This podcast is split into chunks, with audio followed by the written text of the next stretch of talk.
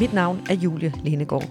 Du lytter til iværksætterkvinder, du bør kende, en podcast fra Avisen Danmark, skabt i samarbejde med Dansk Erhverv og Danmarks Eksport- og Investeringsfond.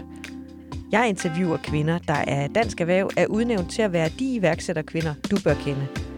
Det er kvinder, der har skabt deres egne vækstvirksomheder. Og det er der kun ganske få kvinder, der gør. Kun hver fjerde iværksætter er kvinde. Og kun få procent af dem skaber vækstvirksomheder. Men hvordan gør de iværksættere, der lykkes?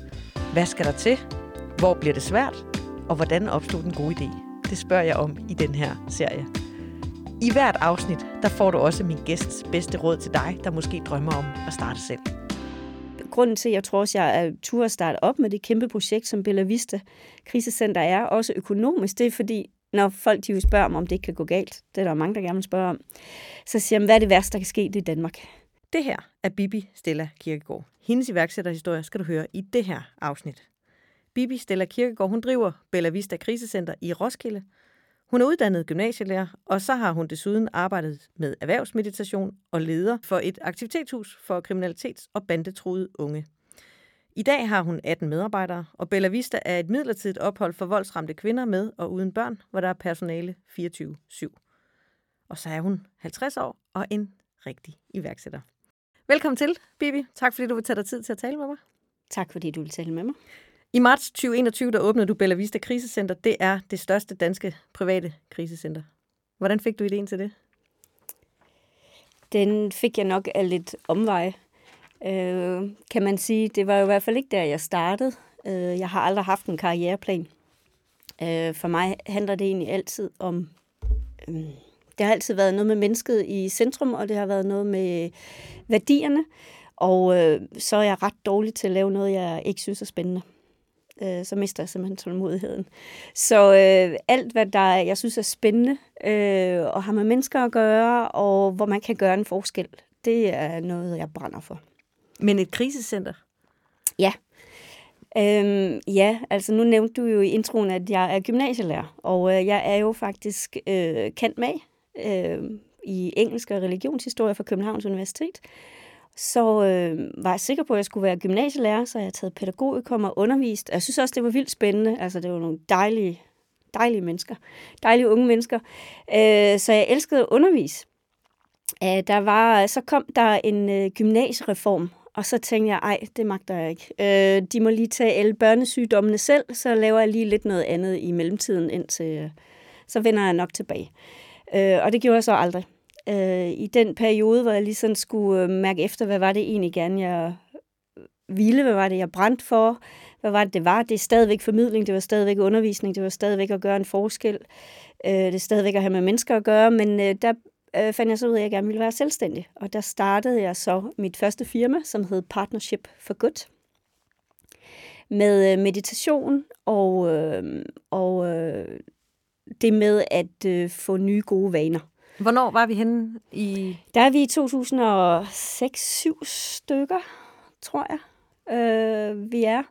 Øhm, og øh, så går jeg i gang med det, og har får faktisk ret mange kunder inden for det erhvervsmeditation. Jeg har en lang øh, Øh, praksis bag mig selv. Øh, jeg har mediteret hver dag og lavet åndedrætsteknikker, stressforløsende åndedrætsteknikker hver dag siden øh, år 2000. Så, øh, så jeg havde også sådan lidt... Øh, det var jo igen, så kan man jo sige, at det var jo rent faktisk min, øh, min hobby, der blev min levevej. Og, og det er nok sådan meget rigtigt øh, på mange områder. Og... Øh, og så, øh, så, kunne, så kunne jeg se, jeg havde været nogle andre steder, jeg kunne se, at det var svært det der med at fylde kurser op. Det er benhårdt arbejde at være alene meditationslærer og tænke, at folk de sidder og drømmer sig om lige at bruge tid og penge på at, øh, at, at, at komme på et meditationskurs, så jeg tænkte, jeg går erhvervsvejen. Der er kunder nok, der er mennesker nok. Dem, der er private, de har også et arbejde. Øhm, og øh, så fik jeg rigtig mange kommuner faktisk. Jeg havde 15 kommuner i løbet af de år som, øh, som øh, kunder, og de købte heldigvis igen og igen, så det var jo dejligt. Og jeg blev tilknyttet Grundfosses Internationale Lederakademi, øh, hvor jeg var i fire år, øh, hvor jeg var over tre-fire gange om året og, og underviste øh, sammen med en erhvervspsykolog i øh, Embracing Change. Og jeg havde så det private del af Embrace Change, fordi ledere jo altid beder alle mulige andre om at ændre sig. Og så var jeg lige et, øh, et indslag omkring os, hvordan, øh, hvordan gør man det egentlig selv. Og, og det var forbavsende. Grundfos var også meget... Øh, faktisk forundret over, jeg var lidt et sats, og de var faktisk forundret over, hvor glade, øh, at øh, lederne var for det. Og øh, det er jo fordi, alle ledere oplever pres og har travlt, og det med søvn og det med mad, det bliver måske skubbet lidt i baggrunden, og så kommer man ind i en cirkel, hvor man ikke har tid nok, og så går det også ud over ens relationer, og når man så kører på ægteskab nummer to eller tre, og børnene ikke trives, så bliver man faktisk lidt interesseret i, hvad kunne jeg gøre anderledes selv? Er der nogle vaner, jeg kan justere lidt på, så jeg kan få noget mere energi, få noget mere balance? Det var nogle fantastiske år, og også super spændende, og jeg lærte rigtig meget øh, af det. Og der var du solo selvstændig? Ja. Der kan man sige, du har sagt dit gode ja. gymnasielærer-job op? Ja. Med den risiko, at du ikke havde nogen indtjening, kan ja. man sige. altså, og det er jo det helt fantastiske. Der vil jeg jo lige give kodos til det danske velfærdssystem, fordi tænk, at øh, samfundet har plads til, og det mener jeg helt oprigtigt, at jeg har fået, jeg har brudt den sociale arv, eller hvad man nu kan sige. Jeg er født og opvokset på en gård i Vestjylland. Der er ingen af mine forældre, der har uddannelse. De er gået ud af, det ved jeg ikke, 9. klasse, øh, begge to. Øhm, og øh, jeg har altid elsket skole og alt det boglige, så det var sådan meget... Øh, jeg har aldrig hørt om universitetet, for det talte man ikke om i mit barndomshjem, eller i de, der, hvor jeg kom. Men øh, så på en eller anden måde fik, kom jeg alligevel derover og elskede at gå på universitetet, og var meget taknemmelig hver dag. Jeg tænkte, tænk, altså bor man... Så er det virkelig gratis at gå på universitetet i Danmark, og vi kan få uddannelse, og hvor er man heldig, og tænk, hvis du var USA, så ville jeg være kommet ud med en kæmpe gæld. Mine forældre ville aldrig have råd til at sætte mig på universitetet. Så jeg har haft sådan meget taknemmelighed for, på den måde, som samfundet er bygget op, for det giver simpelthen også nogle muligheder. Øhm, og det er øh, og, og det gjorde blandt andet også, at da jeg ikke var, øh, var færdig med pædagogikum som gymnasielærer, der, så gik jeg simpelthen på fagforening for at tænke mig om, og tænke, man har råd til det øh, i, i Danmark. Altså det, og det, jeg mener, det er godt givet ud. Det var det i hvert fald for mit vedkommende, fordi jeg sad hele tiden og arbejdede på at udvikle mit eget firma, hvad vil jeg gøre, og søgte naturligvis to job om ugen. Øh, Selvfølgelig. But of course. But og, men det jeg brændt for, det var jo nok øh, at få lov til, øh, til at gå den her vej. Så, så det system, vi har bygget op, det synes jeg faktisk er rigtig vigtigt, det er, at vi skal... Øh, det er ikke bare at give, Altså det er, jo, det er jo at inspirere folk, det er at holde hånden under. Det er grunden til, at jeg tror også, jeg er tur at starte op med det kæmpe projekt, som Bella Vista Krisecenter er, også økonomisk. Det er fordi, når folk de vil spørge om, om det ikke kan gå galt, det er der mange, der gerne vil spørge om, så siger jeg, hvad er det værste, der kan ske, det er Danmark. Øhm, og du går det ikke øh, i seng uden tag over hovedet? Nej, altså på en eller anden måde, så sidder jeg og tænker, det ville være træls. Øh, møg træls. Øh, og jeg ville øh, have en kæmpe gæld, hvis det ikke øh, var lykkes, og jeg ville have levet af havregrød og sådan noget, men, men det er alligevel Danmark. Og det synes jeg faktisk, man skal huske lidt på som iværksætter i Danmark. Det, det skal nok gå. Det er, ikke, det er ikke øh, USA, hvor vi ender med øh, food stamps eller noget i den stil. Altså det, det, øh, det bliver træls, og det bliver, man skal til at starte forfra, og man kan noget andet og sådan noget, men der er faktisk tag over hovedet, og der er en eller anden form for hjælp. Og det synes jeg også, der er rigtig vigtigt, der er. Og det var, der, øhm. det var noget af det, der gjorde, du også turde sige dit job op, og så sige, jamen så starter jeg som sådan ja, selv, ja, solo-selvstændig. Ja, ja, der, ja, det var det. Altså det er en, en del af den velfærd, vi har, som ja. gør, at så tør jeg. Øhm, og det ved jeg ikke, om der er typisk kvinder i forhold til mænd eller noget. Det ved jeg ikke, men jeg ved i hvert fald, at det er også noget af den rådgivning, jeg giver til andre af sådan møder. Jamen, prøv det, gør det. Øh, lav selvfølgelig en fornuftig plan og økonomi og alle de her ting. Alt skal være gennemtænkt og, og så videre. Men, men vi er utrolig heldige med, at vi er i Danmark, og det skal vi passe på fordi det er det, der kan gøre, at vi får iværksættere. Og øh, så hører jeg nogle gange, at de siger, ah, at det er også det, der gør, at vi ikke har sult nok og sådan noget. Det tror jeg ikke helt på. Os, der er, har lyst til at være iværksætter, jeg tror ikke, man kan stoppe os. Hvordan gik du så fra at have din egen solovirksomhed, der ligesom havde godt fat i kunderne, til der, hvor du er i dag? Det bliver øh, lidt ensomt, faktisk, at drive en enmandsvirksomhed. Fordi man, man sidder og man deler alle, alle udfordringer og alle glæder med sig selv. Og så kan man selvfølgelig godt ringe til en god veninde eller familie og sådan nogle ting. Men det der med, øh, for ens virksomhed er jo ens øh, hjertebarn.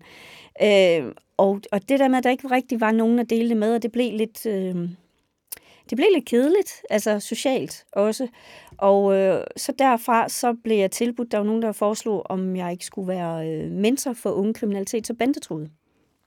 Og det kan jo godt lyde helt skævt. Hvad, hvad laver man? Hvor, hvordan kom jeg dertil? Ja, fra erhvervslivet og ja, så over til... men jeg har faktisk i mange år lavet, øh, i rigtig mange år, lavet frivilligt arbejde i øh, noget, der hedder Art of Living og Breeze Smart, som har med... Øh, som, og i Breeze Smart, der underviser man de her stressforløsende åndedrætsteknikker til unge kriminalitet til bandetrude, og dem har jeg også haft lidt med at gøre. Øh, faktisk en del også. Øh, kommet der i mange, igennem mange år og kendt en del af dem, og det var også da jeg mødte de her, mødte en, en ung mand, som, som selv var kommet ud af fængslet, og ham havde jeg faktisk hjulpet. Jeg har faktisk hjulpet ham med at komme på, øh, mens han stadigvæk sad i fængsel, så skal man lave opfylde nogle forskellige kriterier for at kan komme ud før tid. Og så hjalp jeg ham med at komme på øh, højskole, en kunstnerisk højskole, og øh, sørgede for, at han fik et legat dertil. Og det var noget, jeg gjorde som frivilligt arbejde. Øhm, og igen så blev det jo, springet er jo ikke så langt. Lige pludselig så fik jeg penge for det, jeg egentlig bare gjorde frivilligt. Øh, og det, det er en fantastisk målgruppe også. Jeg mødte nogle virkelig skønne. Det var mest drenge, må vi nok indrømme. Øh, og de er også pivirriterende nogle gange. Så det er, det er begge dele, men, øh, men det var rigtig spændende, så det lavede jeg, og så kom jeg derfra til at arbejde i, øh, i ungepsykiatrien, altså på en døgninstitution for øh, unge, øh, for unge, ja, for unge psykisk syge, de 10 procent dårligste i Københavns Kommune. Og øh, der var bagtanken faktisk også lidt, at jeg godt ville se, hvordan man drev en institution. Øh, af to grunde. Både fordi, at jeg kunne se, at de unge mænd, jeg havde med at gøre, nogle af dem kunne man faktisk... Øh, øh, endte man jo op med med at sidde. Jeg havde jo en gymnasielærer baggrund, at jeg kunne sidde og skrive ansøgninger sammen med dem, og jeg kunne øh, hjælpe dem med at få jobs og ind på uddannelser og få lavet alle de ting, som de ikke har netværket til, for de har simpelthen ikke nogen, de kan spørge så, så kunne jeg hjælpe der. Og, øh, og så var der nogen, som virkelig var svære, som blev ved med at sælge stoffer og lave vold, og var tiltrukket af bandemiljøet, og var der. Altså, jeg sidder og tænker, hvad sådan er det, der sker? Hvor, hvorfor er det, jeg ikke kan nå dem? Øh, og øh, fælles for dem fandt jeg ud af, det var, at de simpelthen alle sammen har været på, øh, altså været fjernet hjemmefra. De har været på døgninstitution som barn. Og så tænkte jeg, hold da op, der er der noget, vi ikke gør særlig godt. Øh, og der er simpelthen også den faktor, at betalt kærlighed øh, måske, måske øh, ikke er jeg ved ikke, hvad jeg skal kalde det. Jeg, altså, jeg ved jo godt nogle gange, at det er nødvendigt. Altså, det, det ved jeg også fra de historier fra, fra, fra dem af, at, at det var ikke for sjovt, de var blevet fjernet hjemmefra. Øh, så er der ungdomsfængsler. Det har jeg svært ved at tro på, der hjælper super meget. Altså, og der er jo noget med samfundet, det kan jeg tale længere om der, for det brænder jeg også for, fordi at hvis man gav den meget mere en-til-en støtte, så vil man faktisk kunne hjælpe dem. Jeg har nogen, jeg har en, jeg stadigvæk taler med, han, øh, han er skibet til Jylland, fordi han skulle væk fra miljøet til sidst, og der var jeg stadigvæk mentor for ham, selvom han var på afstand. Kommunen, de var sådan lidt, det er dig, han lytter til. Så, øh, så vil du være sød stadigvæk at hjælpe. Og det vil jeg så gerne, og det gjorde jeg så i en periode. Han var øh, i rehab derover og kom så i lære, og alle de her ting. Og så var jeg ikke mentor for ham mere, og jeg er stadigvæk i hans liv og hjælper ham. Og, øh, og du ved, det, det har været en en til en. Altså jeg, fik fem, jeg blev betalt for fem timer om ugen på ham, og jeg har brugt 15 timer mindst. Øh, men, men det virker. Det virker, når man får skabt tillid, når man får skabt de her ting, og det er jo helt fantastiske succeshistorier, der ligger i det. Så man kan sige, at du gik fra det her erhvervsliv, og så fik du job, hvor du hjalp de her unge mm. Relaterede unge ja. mennesker, som var på vej ind i bander eller på vej ud af bander. Ja. Øhm, ind og ud. Og, op, ja, og opdagede, at det spring var måske alligevel ikke så stort. Nej, og det var faktisk rigtig interessant, for jeg kørte det faktisk lidt sideløbende. Og der er faktisk, øh, vi mennesker, så der er ikke forskel på, hvordan vi reagerer. Altså, når vi, når vi oplever stress, ubalancer i vores liv, så, så øh, reagerer vi jo med de veje, som vi har lært. Så det vil sige, at hvis man er øh, ung øh, kriminel, så reagerer man kan man reagere i hvert fald med vold, øh, med at øh, være ud af reagerende ved at ikke kan holde et job på den bekostning, eller kan være i skolen, fordi man laver for meget ballade, man kan ikke sidde stille. Man, øh, man kan tage nogle stoffer, man kan sælge nogle stoffer, man kan lave mange forskellige ting. Øh, men når, og det er jo fordi, man ikke, der er noget indeni, hvor, som er i ubalance, som ikke fungerer. Og det var det samme, jeg så, når jeg var sammen med ledere og ude i kommuner. Øh, når man ikke kan få livet til at hænge sammen, når det bliver stresset, når det bliver et følelsesmæssigt pres, så reagerer vi. Øh, der reagerer man måske sådan helt almindeligt med, så drikker man lidt ekstra rødvin om aftenen, og man... Øh, det kan være, at man bliver utro. Det kan være, at man øh, synes, det er spændende. Det kan være, at man bliver skilt. Det kan være, man kan gøre så mange ting. men man øh, booker sin kalender helt vildt, fordi man faktisk ikke har overskud til at være alene med sig selv. Fordi hvis man sidder stille, så kan man faktisk høre, hvad der foregår i ens hoved og at man måske egentlig ikke er særlig lykkelig og tilfreds med sit liv. Så det der med, at det, jeg synes, det er så super interessant, øh, det med, at, at når livet slår lidt knuder, øh, følelsesmæssigt, og vi ikke helt ved, hvad det er, og vi ikke forholder os til det, så finder vi nogle strategier, som er mere eller mindre hensigtsmæssige, som er mere eller mindre på den rigtige side af loven. Øh, og der er jo ikke så langt til det til voldsramte kvinder, også kan man sige. De skal også finde nogle nye strategier til at være i verden på. Ja. I 2021, der åbner du Bella Vista. Hvor, hvordan kommer du øh, på, at det skal være et krisecenter for kvinder? Ja, efter jeg har arbejdet på øh, i psykiatrien på det døgninstitution, øh, og der var der var mange ting, der ikke fungerede. Det, det, det bliver jeg nødt til at sige, det var jeg godt nok ikke særlig imponeret over. Og specielt ledelsen havde det rigtig, rigtig stramt med. Øhm, og jeg synes simpelthen ikke, at øh, vi var jeg synes simpelthen ikke, vi gjorde det godt nok med de her unge mennesker, og det, det er virkelig noget, der skaber stress i et arbejdsliv. Og der var også en svingdør på den arbejdsplads, øh, og tilsynet blev også tilkaldt, og der var rigtig meget tilsyn på, øh, fordi det simpelthen ikke fungerede. Og så søgte jeg væk derfra, øh, også fordi jeg er ikke så god til at måske... Øh, tige stille, når jeg ser noget, jeg synes, øh, som simpelthen er ukærligt og ufagligt og uprofessionelt og næsten alt, hvad du kan finde på med u. Øh, og øh, så tænkte jeg, at jeg søger væk herfra. Og så øh, kom jeg til at arbejde på et krigscenter. Og øh, der mødte jeg jo så den nuværende målgruppe, som jeg er nu. Og øh, den blev jeg utrolig grebet af. Jeg synes, det var så spændende, at, at man kunne gøre det, og de, at man kan hjælpe dem, både kvinder og børn, og det var også øh, rigtig spændende, at man kan altså det, det er sådan et taknemmeligt arbejde at være på krisecenter, krigscenter, fordi der er, der er mange succeshistorier. Øh, der er mange, man får hjulpet ud af vold, og øh, får givet dem nogle aha-oplevelser, og hele det der med at følge øh, kvinder og børn fra den første dag, de dukker op ved døren, og de er bare så usikre, og de er bare ulykkelige, og de er bange, og de uh, mange frygter for deres liv, og, og så se den transformation, der sker i løbet alligevel af relativt kort tid. Øh, det er helt fantastisk. Og så sende dem til at få lov til at spise øh, afskedskagen. Kom godt afsted. Kom godt ud i dit nye hjem. Kagen, som vi spiser en del af. Mm-hmm. Øh, det er helt fantastisk. Altså det at man ser virkelig kvinder og børn, der vokser. Øh, og, og børn, der får det markant bedre af at være hos os. Altså, der er jo ikke nogen større gave. Og du har øh, været ansat i et øh, krisecenter, men beslutter dig alligevel for at lave dit eget. Ja, og, og det er jo... Øh, det er jo måske der, at øh, iværksættergenet det heller ikke helt øh, fornægter sig, kan man sige. Ikke? Øh, der var også nogle ting, jeg gerne ville lave om, øh, som, jeg, som jeg ikke forstod, som jeg ikke var enig i, og sådan ville jeg ikke have drevet det. Og, og, øh, og det er jo fint nok, vi er jo forskellige. Øh, jeg havde bare lyst til at gøre det på en anden måde, og tænke, at det kunne jeg gøre ja, selvfølgelig tænkte jeg også, at jeg kunne gøre det bedre, fordi det er jo derfor, at jeg, øh, at det er jo derfor, jeg laver mit eget, var jeg ved at sige. Ikke? Så vores veje skilles. Øh, jeg blev faktisk fyret derfra, og øh, det var en, øh, det var en, øh, det var en gave. Øh, sådan er det jo tit. Gave kommer jo nogle gange øh, forsinket, var jeg ved at sige. Og, øh, men øh, så var jeg der og kunne gå og tænke lidt over livet, og, og fik nogle... Øh, altså havde nogle små jobs, men det, det var begyndt, og så tænkte jeg, jeg har været rigtig glad for den her målgruppe. Øhm, og i stedet for at få et job på et nyt krigscenter, så kunne jeg jo hvor jeg muligvis kunne ende i det samme igen. Øh, jeg, jeg synes, jeg PS, jeg er ikke umulig at samarbejde med.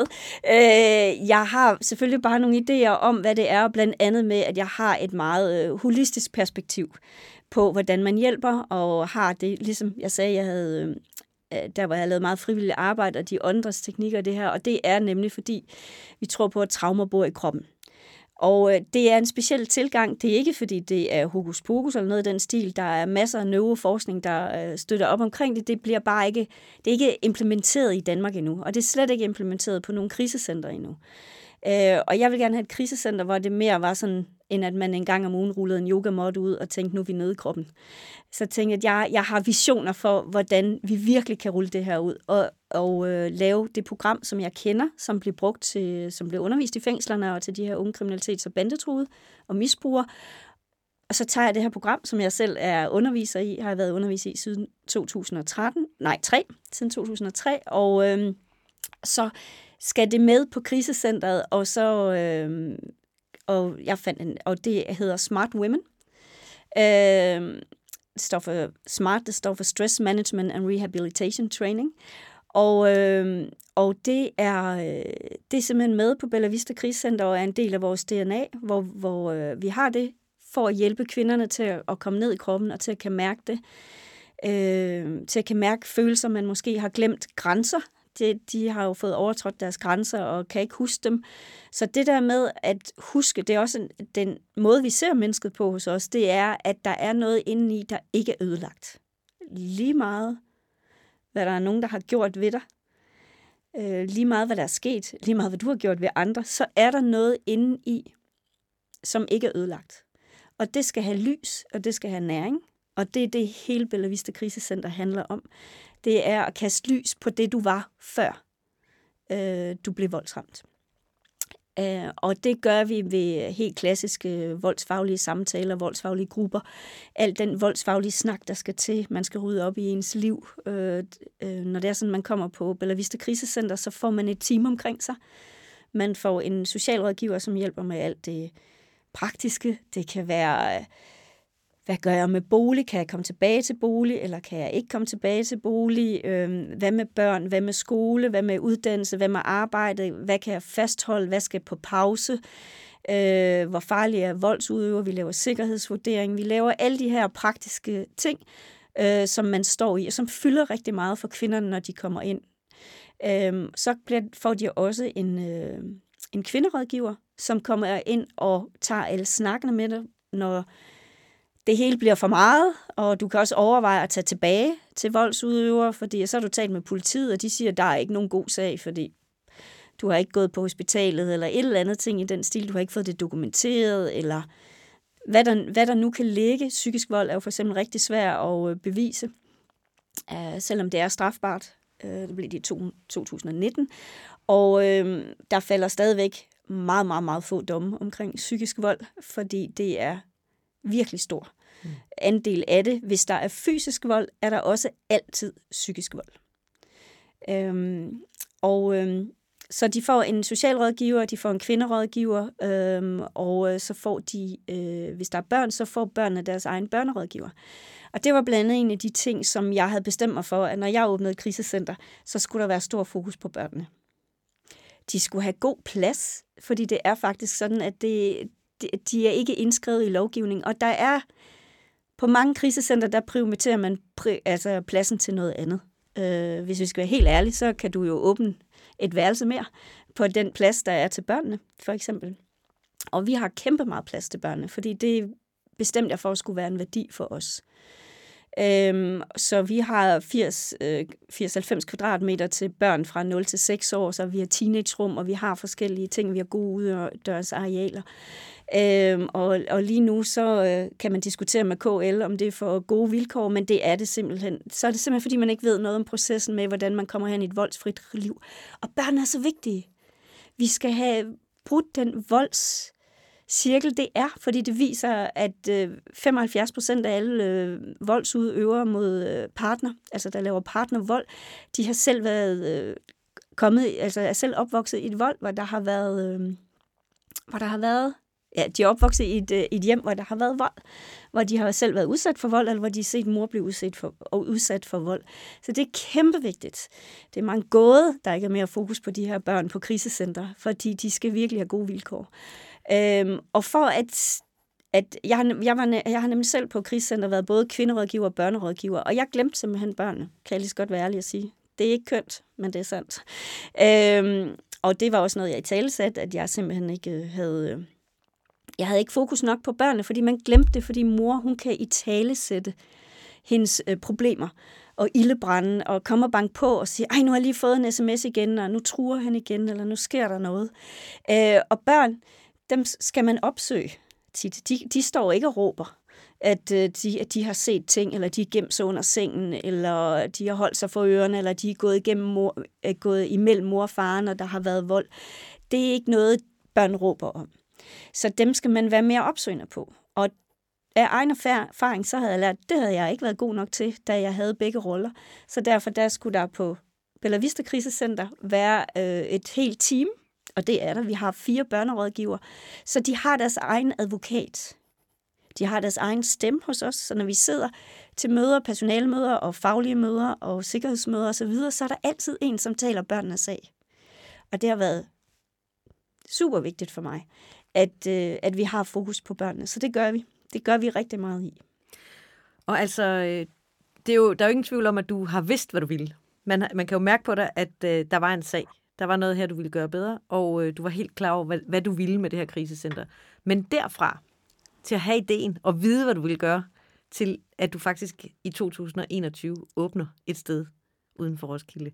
Kan du ikke lige prøve at forklare, hvordan kommer man i gang med at åbne sit eget krisecenter, når jo, man hedder det kan Bibi? Jeg. Og jeg vil så gerne lige nævne, der er masser af gode krisecenter, også det, jeg har arbejdet på tidligere. Vi, vi er bare forskellige, og jeg havde en anderledes vision øh, omkring rigtig meget øh, med traumer igennem kroppen skulle også forløses. Altså traumer skulle forløses igennem kroppen, og særlig fokus på børnene. Det har været to... Øh, to rigtig vigtige ting for mig. Øh, der er masser af gode krisecenter derude, selvom de ikke ligner os.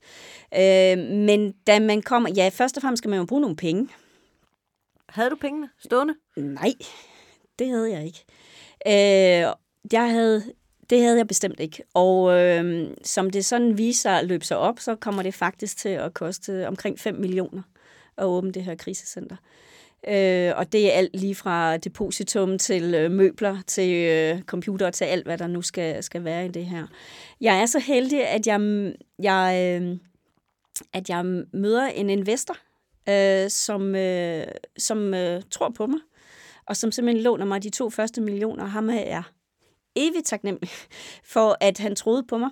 Og øh, det er faktisk øh, en utrolig fin øh, historie på den måde også, fordi at jeg havde øh, jo prøvet, alle, altså prøvet forskellige ting, og hørt, og kunne man, og hvordan starter man op, og sådan nogle ting. Og for at kan låne i banken, skal du jo gerne have penge på forhånd. Så, så, øh, så det er jo sådan et lidt specielt koncept. Så, øh, og, øh, så jeg sad og tænkte, at jeg skal jo tilbyde ham noget. Så jeg tilbød ham øh, faktisk 49 procent af min virksomhed og sagde, at øh, for, fordi at jeg ikke kan stille noget sikkerhed og sådan noget, det, det er jo, du skal jo også have, have noget ud af det, og risiko og alle de her ting. Så jeg tilbød ham faktisk det. Og så kiggede, på, så kiggede han på mig, og så sagde han, så lad dog være med at give din virksomhed væk. Og så tænkte jeg, okay, ja, det er der selvfølgelig en pointe i. Så siger han, det skal du da lade være med at tilbyde mig, siger han. Så jeg, jeg gør det her, fordi jeg tror på dig. Øhm, og jeg tror på, den, øh, på de tal, du har vist mig, og for det, du har fortalt mig omkring markedet og de her ting. Og så skal du gøre det, for det er dig, der brænder for det. Jeg brænder ikke for et krisecenter. Det gør du. Og det må man jo sige er utrolig heldig at løbe ind i sådan et menneske, der, øh, der er så ærlig, og så øh, jo egentlig også værdidreven er han jo også. Hvor øh, møder man sådan en ham? Det har jeg faktisk gjort i mit meditationsmiljø. Øh, jeg har kendt ham i mange år, egentlig ikke talt så meget med ham, og så har vi talt i perioder, og så har vi sådan gjort, og så havde jeg godt hørt, at han nok havde en, en, en stor ejendomsportefølje, og havde måske mulighed for at hjælpe på den måde, og så spurgte jeg ham. Jeg ved, og... du har nogle penge. Jeg har en god idé. ja. Vil du altså, øh, øh, høre, hvad min gode Faktisk, idé er? altså ærlighed er en rigtig god ting. Ja. Så det var faktisk lidt, nu skal du høre her, øh, og også fordi jeg brændte så meget på, for det, så jeg tror både, da jeg øh, øh, øh, approachede ham, og faktisk også banken, så er min indgangsvinkel simpelthen, nu skal du høre, hvor heldig du er, at du kan få lov at være med på den her rejse. Du er så heldig, jeg spørger dig. Øh, det får du noget god karma ud af. det, det bliver du glad for. Vi skal ud og gøre en forskel, og du kan være en del af det. Øh, og det synes han var fantastisk. Og det var det faktisk det samme med, med bankerne. Jeg fik øh, afslag tre, fire, fem banker, jeg ved ikke hvor mange. Øh, I hvert fald øh, en, en del afslag i, i mails og på telefon omkring det. Jeg har selvfølgelig lavet et øh, fint materiale. Der må man sige igen, det er rigtig fint, den baggrund, man har. Det er aldrig dumt, det man har lært. Jeg, jeg er jo kendt med, og jeg er forholdsvis god til at skrive, fordi det har jeg jo også lært der. Så det der med at kan lave ordentlige forretnings... Øh, præsentationer, det er også vigtigt. Og så har jeg haft sparring med forskellige mentorer og har for eksempel haft en tidligere, øh, en tidligere koncerndirektør i Novo Nordisk, har jeg sparet med, helt tilbage fra det første firma. Jeg mødte ham i en legetøjsbutik og tænkte, han ligner en, der kan noget. Og så spurgte jeg, om han ville være min mentor, og det ville han godt. Så det er også et rigtig godt fif. Spørg. Folk vil rigtig gerne dele øh, det, de kan, og den viden, de har. Det er i hvert fald min erfaring, når man brænder for noget. Øh, så fandt jeg min øh, gode bankmand, øh, her, og øh, så, så havde jeg sendt ud til ham, og jeg har fået alle de her afslag, og så ringede jeg til ham, så siger jeg, jeg ved godt, hvad der er galt med mit projekt, altså. og så nævnte jeg alt, hvad der var galt, og der var, altså, øh, hvor alle svaghederne var hen, og så siger jeg, og når vi nu har sagt det, hvad skal der så til, for at du siger ja? Fordi jeg skal have et krisecenter. Øh, og så sagde han, okay, så, siger, så lad være, du, du kan ikke sige nej, men du kan sige, hvad du skal bruge. Det er sådan lidt, okay, hvad skal der til for, at, at øh, banken vil sige ja? Fordi han ville gerne. Jeg kunne mærke, at han også brændte for det her projekt. Han synes, det var spændende. Øh, men han har jo også nogle over sig, som han skal sælge projektet til. Så siger jeg, okay, hvad skal der til? Og så siger han, de siger, at nu skal de have den her form for øh, dokumentation, dokumentation ja. øh, kaution, sikkerhed, hvad skal vi gøre? Ej, kan du lige gøre det? Og da vi var ved at være næsten i mål, så ringede han, for, øh, så var det sådan helt, så siger jeg, ej, Hvorfor er det lige, der ikke er, vi er helt imod nu? Ej, men de kunne rigtig godt tænke sig 600.000 til. Så siger nå okay, fint. Jamen, øh, så, øh, så må jeg arbejde videre på det. Og så øh, talte jeg med en, som jeg ikke har talt med utrolig længe. Og det er sådan, jeg synes, det er ret spændende i forhold til det, at den måde, du er på i livet op til, har noget at skal sige, når du gerne vil være iværksætter, og du skal ned og bede om hjælp. Så ham her, ham havde jeg været med i en, øh, i en NGO, jeg havde startet, hvor jeg lavede noget frivilligt arbejde, øh, igen for målgruppen, øh, med det der aktivitetshus med unge kriminalitet og bandetruede, og der havde han været kasser. Og der havde han jo set, at jeg godt kunne styre pengene, at jeg vidste godt, hvad der var, og jeg var ærlig i min kommunikation, og jeg meldte tilbage til bestyrelsen og alle de her ting. Så det med, at jeg havde vist ham, at jeg var seriøs og kunne overholde aftaler og havde styr på mine ting, Øhm, så viste det sig, at han lige havde solgt et hus, så siger nej, hvor er du heldig, nu skal du høre, hvilken mulighed du har. Du har mulighed for at få lov til at være med til at øh, kunne gøre Bella Vista Krisecenter til virkelighed, hvor vi skal hjælpe helt vildt mange voldsramte kvinder og børn. Det skal kun koste lige præcis 600.000 ja, kroner. Ja, og så uh, sagde han, okay, 600.000, mm, ja, og sådan noget, om, om, om hvad jeg sagde til 300.000, så siger jeg, jeg kan spørge banken. Og øh, så kunne jeg ringe tilbage til Søren i min bank. De sagde ja. Øhm, og øhm, og øh, så ringer jeg til Søren, og siger, jeg har ikke 600.000, men jeg har 300.000. Og det havde jeg skaffet på fem dage. Og så siger han, okay, jeg går videre med det. Og så tænkte de, den tager vi. Og det viser egentlig også, at det kan godt være, at de siger noget, men det er også et forhandlingsgrundlag. Øh, i, altså, skaff 600.000, jeg har skaffet 300.000, fint, siger de så. Det, det er i orden. Vi, vi er klar med den. Og jeg tror at måske også, det ved jeg jo ikke helt, jeg har ikke spurgt dem, men noget med, at man viser initiativ, og man viser, jamen, nu giver du mig en udfordring, du giver mig et problem, der skal løses, og så får jeg det løst. Du er jo vokset op i en øh, landmandsfamilie i Vestjylland. Ja. Hvad har det betydet for dig? Ja, det er jo egentlig ret interessant, fordi min, øh, min far har jo egentlig også været iværksætter.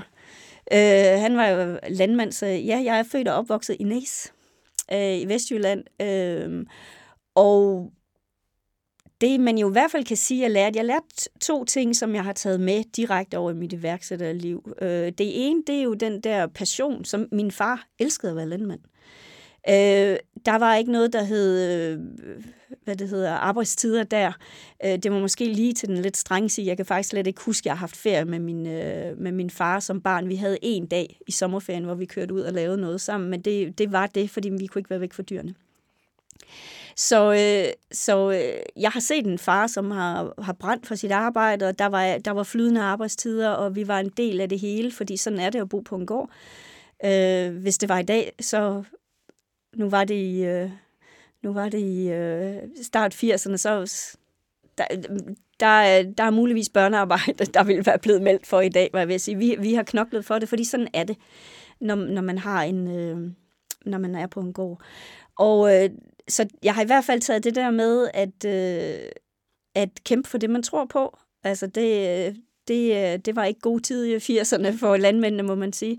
Men det med at blive ved med at kæmpe for det, det med at blive ved med at tro på det og finde løsninger, øh, og elske sit arbejde, øh, det er den ene ting. Og den anden ting, som jeg jo så, som jeg jo kan se i dag, der har formet mig ret meget, men som jeg ikke tænkte over dengang, det var, at øh, på hjemme hos os, der var der boede der faktisk altid et par unge knejte, øh, i sådan 13, 14, 15 års alderen, og øh, det var jeg sådan set vant til, at øh, der boede nogen.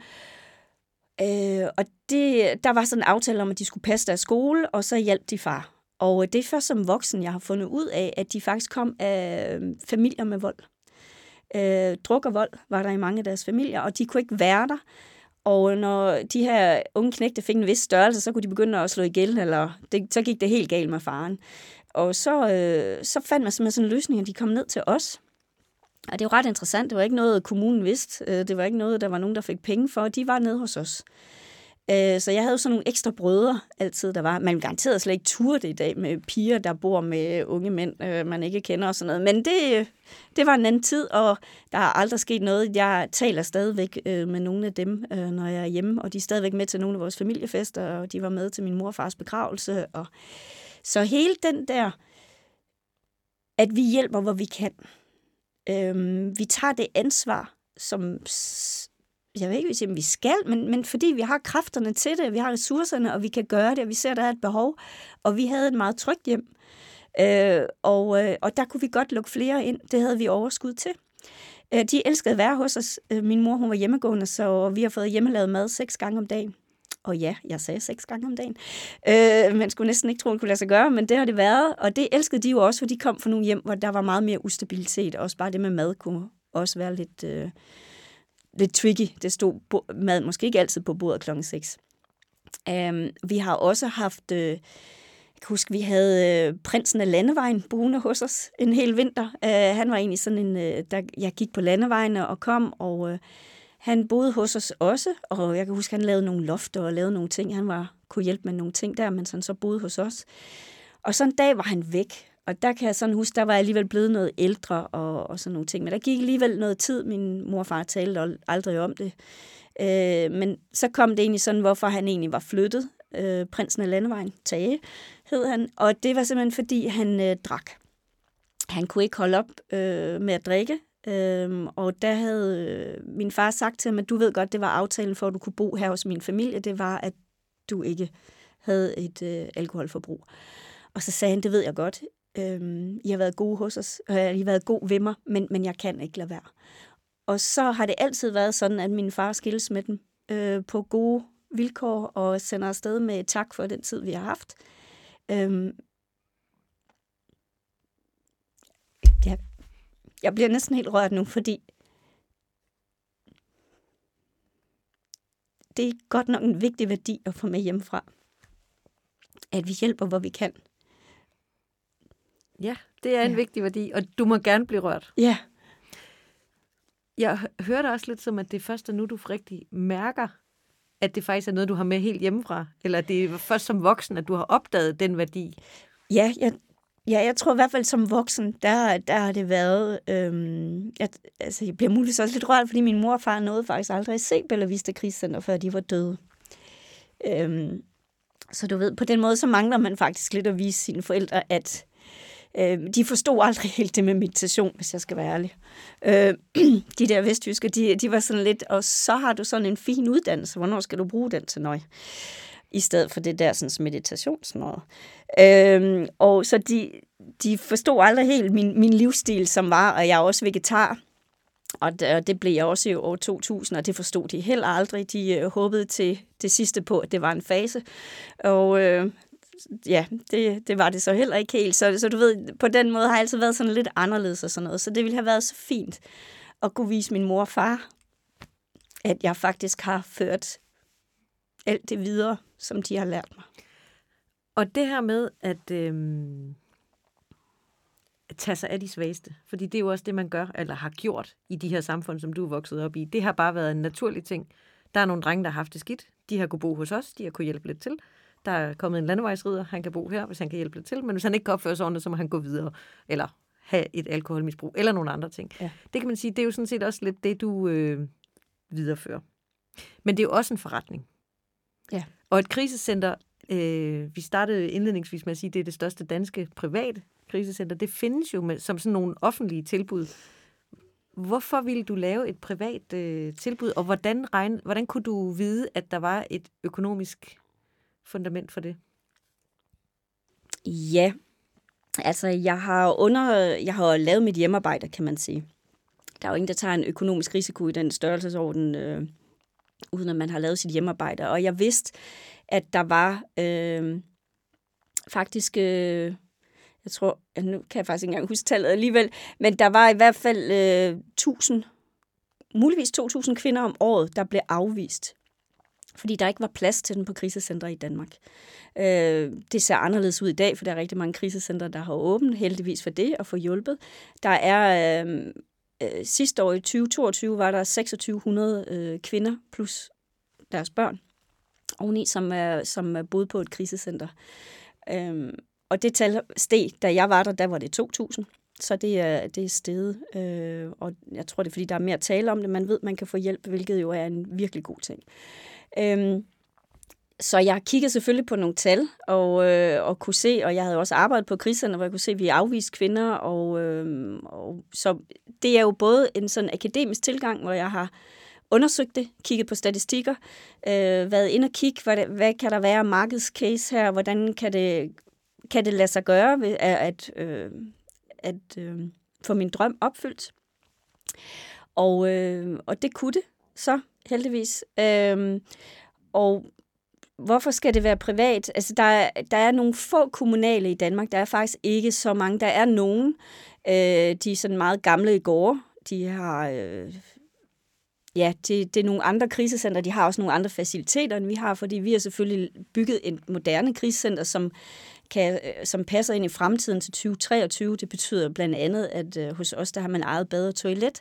Der er stadigvæk mange gamle krisecenter, som, hvor man er to, tre, fire familier, der deles om et badeværelse, hvilket jeg ikke synes er noget, man kan tilbyde øh, voldsramte kvinder og børn i 2023, men, øh, men, øh, men det er sådan, det er. Øh, vi, har valgt, vi har valgt et andet approach, og, øh, og vi, øh, jeg, jeg talte selvfølgelig med advokater og revisorer omkring, hvad skal det være? Skal det være en fond? Skal det være, hvad skal det være, det her? Skal det være en NGO, eller hvordan skal vi gøre det? Og der bliver jeg simpelthen råd til også at, at, at gøre det privat, altså lave det som et APS, som et firma. Øh, og det er, blandt andet så siger det, at fond, at det er virkelig, virkelig kringlet, og det er noget, lidt noget rod i Danmark. Jeg ved ikke, om det er rigtigt, det jeg siger her. Det var noget af det, jeg fik at vide. Men den afgørende faktor for mig blev også, at når jeg investerer hele mit arbejdsliv, hele mit liv i at åbne Bella Vista Krisecenter, og jeg tager den økonomiske risiko, så er jeg meget lidt interesseret i, at der på et tidspunkt om fem år sidder en øh, bestyrelse, som finder ud af, at jeg er overflødig, finder ud af, at øh, den måde, som jeg har valgt at drive krisecentret på, øh, blandt andet med at øh, med god øh, god plads til børnene og, og meget fokus på børnene, det kunne man jo for eksempel finde ud af, at det vil vi gerne spare væk, fordi det får man faktisk ikke nogen penge for. Du får ikke ekstra penge for at hjælpe børnene på krisecenter. Øh, de kunne finde ud af, at øh, jamen, det der traumer igennem kroppen, det tror vi ikke rigtigt på, så nu bestemmer vi, at vi skal gå en anden vej. Og det vil jeg simpelthen ikke risikere. Det er, det er min vision. Det er, det er min drøm. Det er min take på det. Det er min faglige øh, det er min faglige tilgang og pædagogiske tilgang til, hvordan vi skal hjælpe voldsramte kvinder og børn, som Bella Vista skal bestå af. Og for at det kan lade sig gøre, så er det mig, der 100% ejer mit firma. Og bare for forståelsens skyld, når kvinderne kommer til dig, så er det kommunerne, der er med til at finansiere det? Ja, det er... Det står i loven? Det, det står i loven, ja, at det er, øh, vi, det er kommunen, vi sender fakturen til, men de får så 50 procent refunderet af staten. Du lytter til iværksætterkvinder, du bør kende. Hvad har været den største udfordring for dig med Bella Vista? Jamen, jeg tror, det var, det var hele startprocessen. Altså, jeg har jo brugt næsten et helt år på det. Øh, det vil sige, at jeg kørte øh, rigtig mange jobs simultant. Øh, heldigvis så vidste jeg ikke, øh, hvor hårdt det var. Øh, det, det var faktisk, da jeg var færdig, og vi havde åbnet, så sagde min bestyrelsesformand, siger han, ved du godt, du egentlig har lavet tre mands arbejde?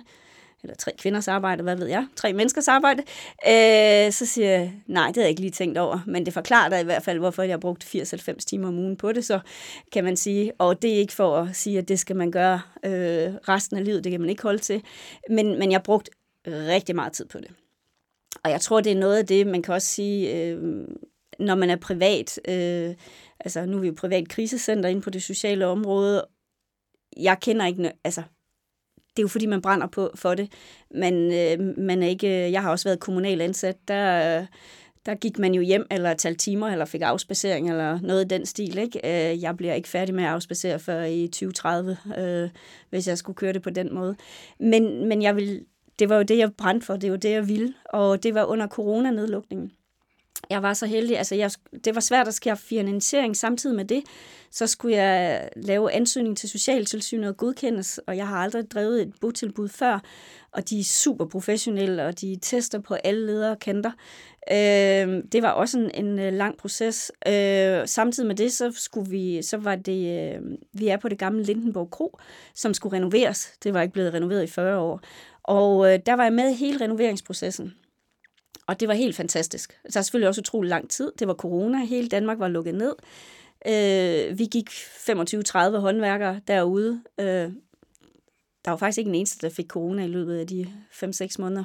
Øh, men øh, vi gik derude, og jeg var simpelthen øh, havde så god en, en, en øh, forbindelse med udlejer, øh, Philip, som jeg stadigvæk har et rigtig godt øh, forhold til, og vi... Øh, han øh, ville også rigtig gerne åbne det her krisecenter, og så jeg har simpelthen fået lov til at bestemme, hvordan skulle køkkenet se ud. Jeg har designet det, så det passer til et øh, krisecenter med mange mennesker. Jeg har bestemt, at her skulle være et samtalerum, og her skal jeg have en væg mere, og den væg skal ved, ned, og alle sådan nogle ting. Vi har også haft masser af diskussioner, det vil Philip kunne skrive under på.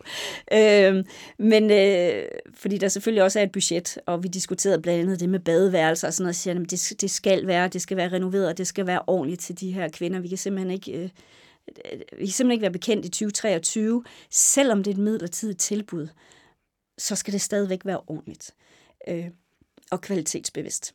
Øh, så, øh, så hele den proces var jeg med i, i, i det hele, og det har været fantastisk.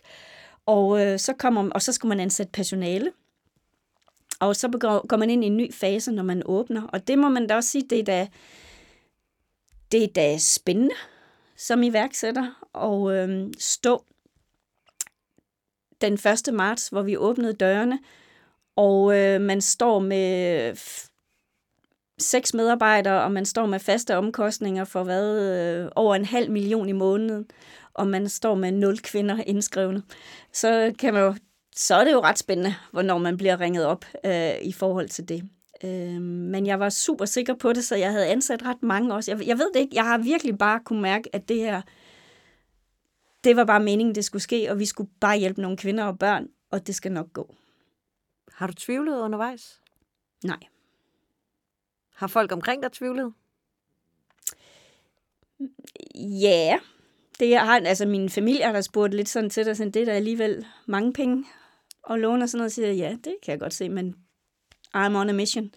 Så, øhm, og så, så nåede min øh, bestyrelsesformand, som jeg havde på det tidspunkt, øh, nu har jeg ny lige nu, men, men ham, der hjalp mig i gang, øh, han, øh, han sagde sådan, man tænk nu, hvis og tænk, hvis budgettet ikke holder, fordi man regner jo ud, hvor mange kvinder skal komme ind, hvor hurtigt, og hvad skal der ske, og også for, i hvilken hastighed ansætter man personale, og stadigvæk holde kvaliteten, og hjælpe de her kvinder. De skal jo ikke mærke alt for meget, at man er et nyt krisecenter. De skal jo stadigvæk have den øh, hjælp, de har krav på. Alle de her ting. Og, og der bliver jeg sådan lidt, shh, lad være. Jamen har du, lad være. Så det, vi har sagt A, og vi kommer også til at sige B, og vi kommer til at gå hele vejen. Det kan slet ikke betale sig, det der. Øh, og, øh, og det er rigtig godt givet ud, at jeg sover om natten. Og det har jeg gjort. Altså, jeg har sovet hver nat. Øh, uanset... Øh, jeg, jeg, har, jeg har troet så meget på det. Jeg, jeg kan jo godt høre nu, når man sådan siger det højt, at det, det kunne man da godt undre sig over. Men det, det øh, altså, der var nogle kvinder og børn, jeg skulle hjælpe og så hjælper det ikke, at der er nogen, der står i vejen. Øh, der var også... Øh, det, der, der var også nogle omkringliggende krisecenter, som, blev lidt, øh, som fik lidt frygt i deres system over, at, at, at der måske ikke ville være nok til dem. Øh, af det, så, så gik der sådan lidt øh, konkurrence i det fra deres side. Jeg, jeg ved ikke, de, de havde i hvert fald øh, skrevet et brev, decideret, ind til kommunen og bedt om, at de, øh, de skrev simpelthen til Lejre Kommune og skrev, at de ikke skulle godkende mig. Og der var jeg sådan lidt, ah, nu synes jeg måske lige strammer skruen. Øh, og det var blandt andet, at vi var et privat krisecenter, og man vidste ikke, om man bare var der for at tjene penge, og om jeg overhovedet brændte for at, at gøre det. Og der er jo sådan lidt, så må I jo spørge mig. Så må I jo kontakte mig. Øh, og det, det blev jeg ikke gjort. Og, øh, så, og så har jeg selvfølgelig... At jeg plejer ikke at opleve, at når folk har mødt mig, at man er i tvivl om, at jeg brænder for at hjælpe kvinder og børn. Øh, og jeg tænker, at det mindste, man kan gøre, det er da i hvert fald lige at, at spørge mig, hvilken kvalitet vi har tænkt os at, at lægge for dagen. Så det har også løst sig nu? Det løser sig selv. Det, altså, det er jo øh, det er kvinderne, der... Øh, altså, det, det, vi har et godt samarbejde. Vi har fokuseret rigtig meget på kvalitet. Jeg har nogle fantastiske medarbejdere. Øh, jeg har, det er faktisk en ting, jeg er rigtig god til. Det er at vælge rigtig gode medarbejdere. Øh, og de er professionelle, de er faglige, og de har værdierne i orden. Øh, og det har simpelthen gjort, at vi har et rigtig godt, altså, vi har rigtig godt samarbejde med kommuner, vi har med politi, vi har med... Et, ordet spreder sig øh, blandt kvinderne, ved jeg, fordi vi bliver ringet op, at de har hørt fra nogle andre voldsramte kvinder, at øh, vi er et godt sted. Så øh, heldigvis, så, så kan man jo sige, at hvis man laver et godt produkt, så bliver man også hørt. Og man kan sige, det er jo ikke et marked, hvor man bare kan gøre, hvor man vil. Der er masser af tilsyn med det, I ja. laver. Så på den måde er det ikke et, det er ikke et man kan ikke bare gøre det, hvis man vil tjene penge. Der bliver også holdt øje med det arbejde, I laver. Og, og det skal så også siges, at der er nogle brødende kar. Altså, der er nogen, som ikke holder en kvalitet, og det er både privat og kommunalt øh, og fondsmæssigt. Så kvalitet har ikke noget at gøre med, hvilken selskabsform du har. Jeg ved, at du har øh, et arbejdsliv, hvor du har besluttet, at du ikke øh, har nogen møder før klokken 10 om formiddagen.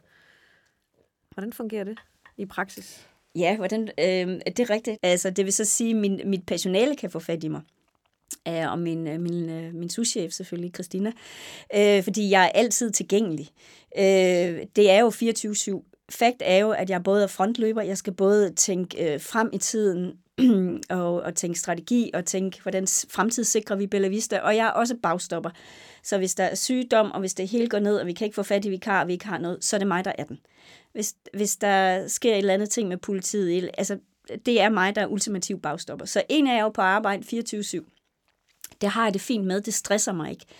Jeg bliver klart mere stresset af at have et 8-4 job. Det har jeg ikke haft særlig meget, skal jeg sige, for det fandt jeg ud af ret hurtigt, at øh, det er bare, det stresser mig, at, at vide mandag til fredag 8-16, der skal du møde op her. At jeg bliver helt tør i blikket, for jeg vil sige, altså jeg, jeg puha, tænker, der, der er lang vej hjem. Men at være tilgængelig sådan 24-7, det var jeg også blandt de, da jeg var mentor. Det generer mig slet ikke. Øh, det, det har jeg det fint med. Øhm, men om at man kun kan få møder med mig klokken 10, Altså, det, det, er, det er rigtigt. Hvis, hvis du ringer og vil booke med mig, og hvis du havde gjort det nu her og sagt, ej, så kan vi lige øh, lave den her podcast klokken 9, så vil jeg sige, ah, det, det kan jeg vist desværre ikke nå. Øh, og og, øh, og øh, det hvad kan være... Du, hvad bruger du morgenerne på? Jamen, altså, det, jeg har et møde med mig selv. Øhm, og jeg tager nogle langsomme morgener og sørger for at få lavet en smoothie med noget protein i, og meditere og lave mine åndedrætsteknikker. teknikker det er jo rimelig meget walk the talk, når jeg siger, at øvelserne virker, og at vi underviser dem også til personalet. Alt personale ude på Bella Vista har, det står i deres kontrakter, at øh, inden for tre måneder skal man have øh, lært de her teknikker i Smart Women, øh, og vi giver dem til kvinderne, så bruger jeg dem selvfølgelig også selv. Og det, det er ikke bare fordi, jeg skal, det er fordi, det har jeg gjort hver dag øh, i hvad, 22-23 år. Og øh, det er simpelthen en måde at få nulstillet på, og få energi og få klarhed det er der, jeg får øh, langt de bedste idéer. Altså strategi, der er meditation fantastisk til. Altså få tømt hovedet, bum, så popper det op. Nå ja, det var det, jeg skulle. Jeg skulle den vej. Øhm, og det, det er rigtig rart. Jeg tjekker stadigvæk min mails om morgenen og ser lige, om der er noget øh, akut og, og, og kan høre. Og, og vi har også overlap, øh, som hvis jeg ikke er derude fysisk ude på, på Bella Vista, så, så er jeg med telefonisk øh, til det for at høre, hvad der er sket siden i går, og er der sket noget om natten, og er der noget sikkerhed, vi skal tage højde for, alle de her ting. Øh, men hvis du sådan ringer udefra, så har jeg, altså det, det, ah, Jamen, hvorfor før kl. 10? Jeg forstår det ikke. Det, det, det er ikke godt. Altså, stille og roligt. Vi, vi, det er, jeg er også klart rast at holde møde med, når jeg har haft en langsom morgen. Det, det er min... Øh, det er mit eget personale gode, som jeg har bevilget mig selv. Det er at, øh, at øh, have en rolig morgen, møde op, ingen, ingen stress omkring det, og jeg, og jeg synes, det er rigtig rart. Øh, så det har jeg tænkt mig at holde fast i. Nu ved jeg godt, at jeg lige har afsløret, at det er muligvis ikke fordi, at jeg har super vigtigt møde, jeg ikke kan mødes med nogen klokken halv ti, men... Øh, jeg synes, at øh, det der med at have et møde med sig selv, det synes jeg er et super vigtigt møde. Ja. Og det øh, hører jeg dig egentlig også sige, at det, det er det, der er, er det nemlig. Det er, det er jo det vigtigste møde, når du skal holde på den lange bane, og det skal jeg. Hvor er du henne om fem år? Jeg har Bella Vista Krigscenter i, øh, uden for Roskilde, og jeg har øh, måske et krisecenter mere, eller to, og øh, laver nogle forskellige ting. Måske, jeg kunne også godt tænke mig at tage til øh, at lave noget frivilligt arbejde og, øh, og være ude i nogle øh, mindre privilegerede lande og fortælle omkring, øh, hvordan man også kan gribe det an, altså vores take på det øh, i forhold. Det kunne også være dejligt. Øhm, så jeg har masser af idéer og masser af tanker, og øh, lige så snart noget øh, bliver for meget 8-4, så begynder, så begynder uroen jo at komme igen. Min medarbejder kigger lidt på mig. Vi har også lavet den aftale, øh, at... Øh, fordi vi skal jo selvfølgelig konsolidere og lave alt det, vi har, og ikke hele tiden komme med nye idéer. Men nu er det bare sådan, at min hjerne, den har ret mange idéer. Og øh, så for ikke at stresse mine medarbejdere, så har vi simpelthen lavet den aftale, at, øh, fordi de er sådan, jamen kan vi ikke, altså, nu skal vi ikke have, nu er der ikke flere ting, vi, vi kunne gøre, så siger jeg, men, men fakt er, sådan er jeg som menneske, og jeg får stress af ikke at må sige mine idéer. Så nu er aftalen, og så, øh, så er aftalen, at øh, jeg øh, siger ideen, som er en ballon, med helium, som simpelthen bare sidder oppe i loftet. Så sidder der helt vildt mange heliumballoner med mine idéer oppe i loftet, og i passende tid, når det passer ind øh, strategisk og personalemæssigt og det hele, så hiver vi en ballon ned. Øh, og jeg får ro, fordi jeg ved, at den er sagt høj og sidder oppe i loftet. Og mine medarbejdere får ro, fordi de ved, at den sidder oppe i loftet. Vi skal ikke forholde os til den nu. Hun har ikke gang i en, en øh, ny ting lige nu. Vi, vi konsoliderer øh, det, vi laver nu. Er der noget, du har savnet i de her år, hvor du har arbejdet på Bella Vista? Savnet? Nej. Nej, altså det har været øh, den mest fantastiske rejse. Altså det, er, øh, det har været så skønt, og det er allermest skønt. Øh, det, jeg har brugt rigtig meget tid på, det er, det er mit personale. Det er simpelthen at lave den, den helt rigtige medarbejderstab, som har det samme livssyn, som jeg har, som øh, tror på de samme menneskelige værdier som mig, som tror på, at traumer bor i kroppen, som øh, ikke... Øh, ikke synes, det er helt vildt mærkeligt, at vi spiser vegetarisk, og sådan, fordi så, hvis, og, og man må jo gerne være anderledes end mig, så er vi bare ikke et match. Fordi det vil simpelthen være stressende at arbejde ude hos os, at når vi taler om traumer i kroppen og sådan nogle ting, så tænker man, hvad, det tror jeg da ikke rigtigt på. Er der noget videnskabeligt bevis for det? Hvis du skal helt ud i det, så er vi ikke et match. Fordi det er simpelthen en del af, hvordan vi arbejder, og hvordan vi tror på, at vi hjælper kvinder og børn bedst.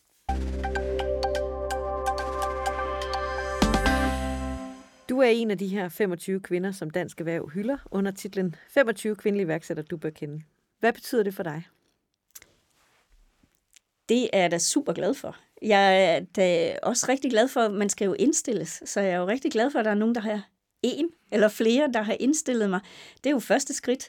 Og så er jeg da rigtig glad for, at jeg er blevet udvalgt. Øh, fordi jeg vil rigtig gerne putte, øh, jeg vil rigtig gerne alt det lys og fokus, vi kan have på, øh, at der sidder voldsramte kvinder øh, derude. Og det ved jeg også, der gør lige nu. Og muligvis taler vi også der sidder nogle lytter, som også er det i det. Man er velkommen til at tjekke ud, hvad der er forskellige voldsformer. Fordi vold er, det kan man se på vores hjemmeside, hvor man kan læse om forskellige voldsformer også. Og det er, øh, og det er, fordi vold forekommer i alle samfundslag i Danmark. Det... Men hvad betyder det for dig som person, at du bliver hyldet Nå ja. som en iværksætter? Nå ja, nu, nu endte vi lige over i kvinderne. Ja, øh, det må det gerne. Ja, øh,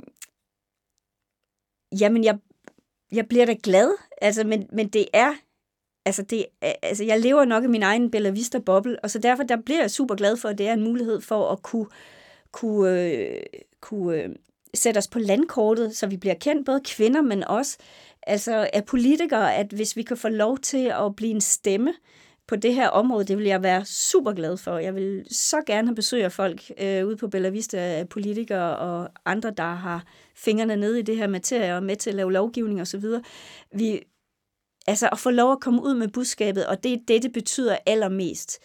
Øh, så hvis der nu sidder en øh, kvinde og lytter med, eller en mand, og øh, har en drøm om at blive iværksætter, og har lyttet til din historie, har du så tre gode råd, som du vil give? Øh, tre gode råd. Jamen, øh, man skal forberede sig. Øh, man skal have styr på sine tal og sin strategi. Man skal søge hjælp. Man skal huske at spørge om hjælp. Altså både bank, øh, revisor, øh, alt det, som man selv synes, øh, man ikke er helt sikker på. Øh, få en mentor fra erhvervslivet. Spørg. Altså min erfaring er, at folk virkelig, virkelig gerne vil hjælpe, hvis man brænder for noget. Øh, det var to. Det var da også Det var meget, faktisk tre. Var det faktisk tre? Forbered dig, søg hjælp og få dig en mentor. Ja, det var et, ja, jamen, det Har du flere? lige ud af det. Altså man kan Øhm, sige, det lyder som om, at du har simpelthen stoppet en mand i en legetøjsbutik og sagt, du ligner en, der kan hjælpe mig. Ja. Så du har også selv været god til at Ja. ja. tage en chance. Ja, det, det gjorde jeg helt tilbage med mit første firma med Partnership for Good, og det var fordi, det simpelthen var... Øh, jeg havde jo nok luret, at øh, personlighedsmæssigt, så var det der 8-4, det var måske ikke lige mig. Øh, og så tænkte jeg, hvad, hvad kunne man også? Altså, og hvordan kan jeg få lov til at, at, at dele det, jeg brænder for? Og det var meditation og få nye gode vaner og passe på sig selv. Have et møde med sig selv. Det, det er jo en den røde tråd rigtig meget at have et møde med sig selv. Både mig øh, personligt, som iværksætter, som menneske. Øh, da jeg var ude og undervise i meditation, der havde været med de unge kriminelle øh, at gøre, øh, og de voldsramte kvinder og børn. Hele tiden tilbage til, lad os have mødet med os selv. Erhvervsledere, kom tilbage, lad os have mødet med os selv, så vi virkelig kan mærke efter, hvad er det, vi, vi gerne vil. Og når man så har fundet ud af det, man gerne vil, så skal der også hårdt arbejde til. Ting sker ikke af sig selv. Så hårdt arbejde, det er også en del af det. Og det er fantastisk, fordi når man brænder for det, så flyver tiden. Bibi, du har været en kæmpe inspiration. Tak fordi du ville være med og dele din historie med os. Tak fordi jeg måtte være med. Du har lyttet til iværksætterkvinder, du bør kende. En podcast fra Avisen Danmark, skabt i samarbejde med Dansk Erhverv og Danmarks Eksport- og Investeringsfond.